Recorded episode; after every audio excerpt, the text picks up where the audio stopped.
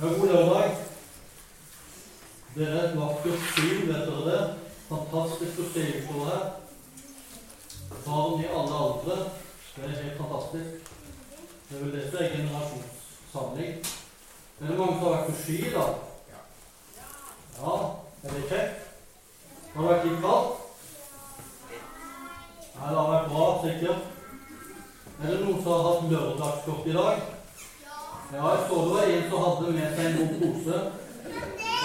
Ser dere på bildet her òg? Det har ingenting med det jeg skal snakke om å gjøre. Men det er et bilde som en av døtrene mine har når de koste seg med marshmallows og sjokoladefondant og, og frukt. Det så nydelig ut, ikke sant? Det er sånn lørdagskos. Det vil si nå for tiden koser vi oss vel hver dag, nesten. Men det har altså ingenting med andakten å gjøre, egentlig. Eh, jeg skal snakke litt om at Jesus har tid til å være sammen med oss. Det er kjekt å være sammen med venner og familie. ikke sant? Eh, og det er alltid ekstra kjekt når noen har god tid til å være sammen med oss. Dette er en nydelig fugl. En av favorittfuglene mine. Blå isfugl. Eh, det kommer òg litt seinere når jeg snakker. Er det folk som er glad i fugler? Det er fuglesittere her. Er dere glad i dyr? Jeg har, jeg har et lite barnebarn på ett og et halvt år som heter Elia. Han er så glad i dyr. Dere, dere der bak ser ikke det så lett. fast. Burde jo hatt sånn kamera med innzooming her. Men han samler alle dyrene han har, og så går han rundt med dem. Og, og jeg er jo Jeg skulle jo hatt enda flere dyr, vet du. Det han har i fanget, er større enn han sjøl. Skulle kommet ned og vist dere alle disse flotte dyrene. Men også Jesus snakker om, om de flotte dyrene, og det kommer òg kanskje litt etter hvert. Eh, vi må tenne lys òg. Tenne lys på 2023-metoden.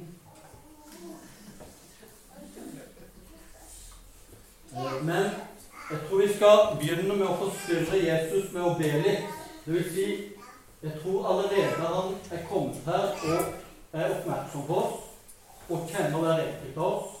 Jeg kjenner ikke alle dere, eh, men Jesus kjenner oss alle.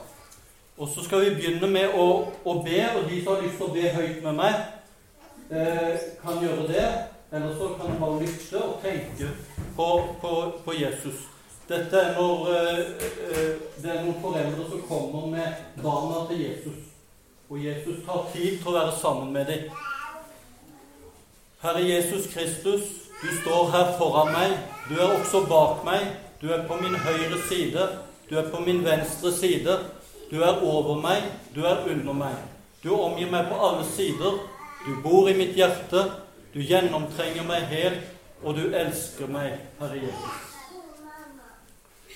Er det noen av dere som har en bibel? Det håper jeg. Hvis ikke, så må dere spørre om mamma eller pappa kan kjøpe en bibel til dere. Jeg er veldig glad i bibelen min. Og det er fordi den, den forteller meg veldig mange flotte fortellinger om nettopp Jesus, som jeg er blitt veldig glad i.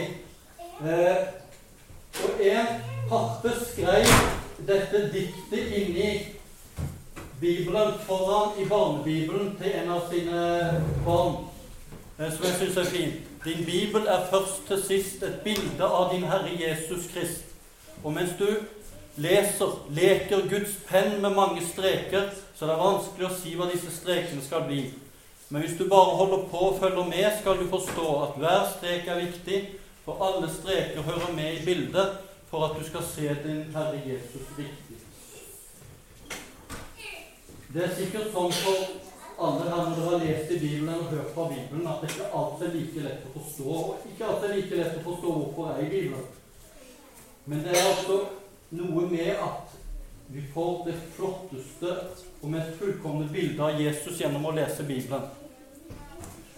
Og en av de fortellingene den fortellingen jeg særlig vil fortelle i dag, som jeg er veldig glad i, det er når Jesus en gang talte, snakket om Gud og Guds rike, sånn som litt sånn som jeg gjør, står og snakker om Gud og, og sånn. Og så kom det så masse folk at det ble trengsel. Og så var det inni et hus, og det var stappfullt. Enda fullere enn her. Her er det jo plass til flere, egentlig. Selv om det er kanskje ikke flere solplasser, men det er plass til flere. Og så talte Jesus og fortalte. Men så var det fire venner, eller fem venner. Han ene kunne ikke gå. Han var lam. Han kunne ikke bevege føttene sine og gå. De hadde ikke rullestol og sånne ting da, men her, disse fire vennene, de ville bære denne lamme vennen til Jesus fordi de hadde hørt om at han helbredet syke. Her er det når Jesus helbreder en blind. Men tenk å ha gode venner. Jeg håper dere har gode venner. Har dere gode venner? Gode venner som kan hjelpe deg og være vennen din og støtte deg. Og disse gode vennene de ville være vennen sin helt fram til Jesus.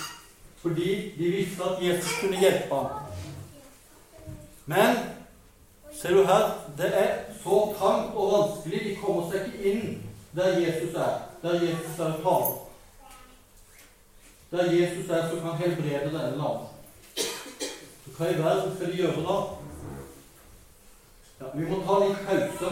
For det jeg tenkte på, hva i verden tror dere at Jesus snakket om der? Det står ikke det i den fortellingen i Bibelen. Hva snakket Jesus om? Vi vet iallfall fra andre steder at Jesus kan snakke, Og her kommer Jeg fant ikke så mange fugler med meg, Denne her vet jeg ikke hva heter engang. Eh, men Jesus snakket om 'se på fuglene under himmelen'. Se her er forskjellige fugler. De er nydelige fuglene, sant? Og så sier Jesus, se hvordan Gud passer på de gir dem mat. Så er den nydelige fuglen som stuper ned i vannet og fanger fisken. Skulle sett det på film, og det er helt fascinerende å se på. Og her er en dvergpapegøye. En dattera mi hadde en sånn. Eh, det var veldig stas. Jesus snakket om fugler, bl.a. fordi han sier at Gud og jeg har omsorg for dere. Jeg vil passe på dere. Det er trygt hos meg. Dere kan komme til meg. Dere kan forstyrre meg. Vi er trygge hos Jesus. Er dere glad i å synge? Jeg er trygg hos deg, jeg får det til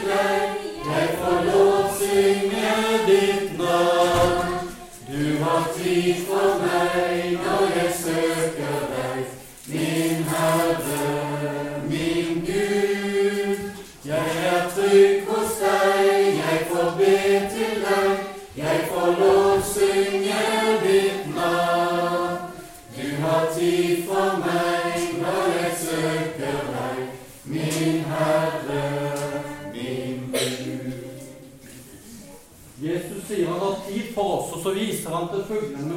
Han om blomstene, liljene på marken.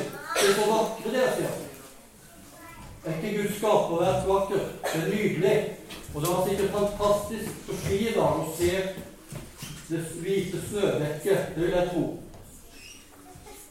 Men kanskje snakket Jesus òg om hvor fantastisk vi er skapt. Her er bildet av en liten baby i magen til en mamme.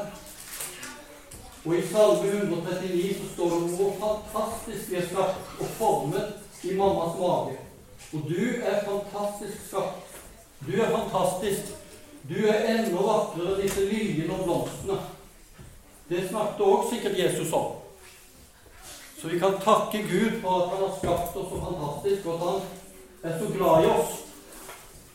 Det kan vi tenke på når vi ser de flotte blomstene.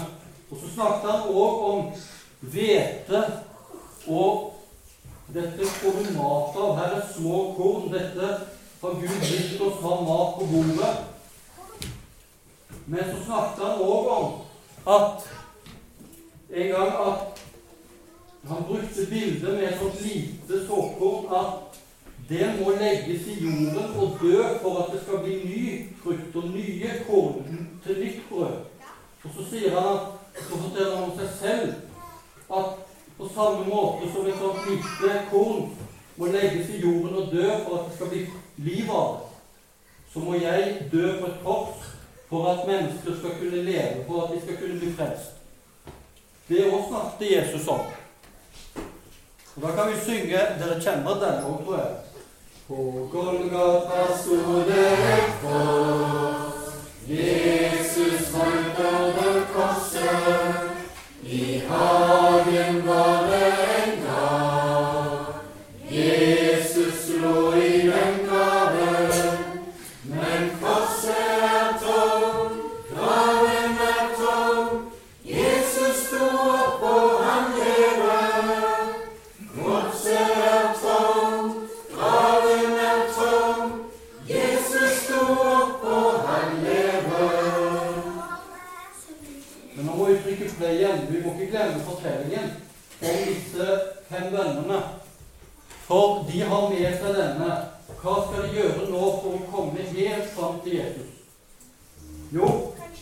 Begynner de å gå opp på taket, og så begynner de å ødelegge taket. Åpne opp. Tenk hvis de hadde gjort det her nå. Du begynte å, å, med motorsag gjennom taket. Men her er det hendene de, det begynner å drysse ned, og kanskje vekker døde dyr og insekter og ned. Så her står Jesus, og så blir Jesus forstyrra i alt det flotte han snakker om fuglene og blomstene og, og seg selv. Og så forstyrrer de stormøtet, og så senker de vennen sin ned. Og Jesus han sier 'gi plass til denne lamme'. Gi plass, gi plass. For Jesus han lar seg forstyrre. Han, han setter pris på at disse vennene kommer med denne. Se her. Og så har de fått han helt fram til Jesus. Og så må vi ta litt pause igjen. Kan vi forstyrre Jesus? Ja, det er det vi lærer av denne fortellingen. Vi kan forstyrre Jesus. Men kan vi forstyrre hverandre? Er vi flinke til å la oss forstyrre hverandre? Jeg tror, Ser dere det? Er det noen av dere gutter og jenter som har opplevd dette her? Der er mamma sin hånd og pappa sin hånd? Får dere ikke kontakt med mamma og pappa? Jeg tror av og til så er det sånn iallfall. Hvis det blir for mye av sånt, så er det ikke kjekt. sant? Du ønsker kontakt med mamma og pappa, eller vennene dine, eller ektefellen din. Eller barna dine. Jesus han la seg forstyrre. Han sitter ikke på mobilen. 100 sikker. Jesus han lot seg forstyrre. Her er den blinde ut forbi Jeriko. Det var folk som kjefta på Bartimeus. Ikke forstyrr Jesus. Ikke forstyrr mesteren. Så kjefta han på ham. Ti stille. Men han ropte bare høyere og høyere. Og så sier Jesus, før han bort til meg. Og så gjorde han han frisk, seende. Og her er vennene våre. Og her er når de Disiplene vil jo hindre foreldrene å komme med barna. Her er fra Japan, hvor barna også får lov til å forstyrre misjonærforeldrene på bønnemøte. Og så har de en fin stund hvor de forteller på barnebibelen. Vi må la oss forstyrre. Og hvis du ikke får til å forstyrre foreldrene dine, mamma eller pappa, eller søndagsskolelæreren, eller Torleif Overskjold, som er formann eller leder her, da skal du begynne å rive i stykker taket her. Men ja, nå er det dagene kalte for dette bygget uansett. Men, men bare ikke gi det før du har kontakt. Forstyrr gjerne folk, de voksne, mamma og pappa, på bedehuset. Og så tror jeg at det er mange Jeg har sett alle til søndagsskolelærere når vi har vært bort på bygdetunet. Og de lar seg forstyrre veldig godt. Så trykker vi play igjen. For Jesus han vier nå all oppmerksomhet til denne stakkaren som ikke kan gå. Jesus han er opptatt av den enkelte av oss. Midt i mengden her, midt iblant alle her, så kjenner Jesus ditt navn og vet om ditt liv. Det som du liker, det du liker å leke med, eller de vennene du har, eller det du liker å lese, eller det som er vondt i ditt liv, eller vanskelig, det du er redd for. Han hadde det vanskelig med at han ikke kunne gå, men det var også andre ting han hadde det vanskelig med. For han, han hadde gjort en del galt, han òg, som alle oss andre. Og så sier Jesus til ham, 'Sønn, dine syndere tilgir'. Og når Jesus tilgir, så blir det borte. Så blir det på en måte som når du trykker på delete-knappen på PC-en. Vil si enda mer. Disse PC-ekspertene sier du kan finne det igjen.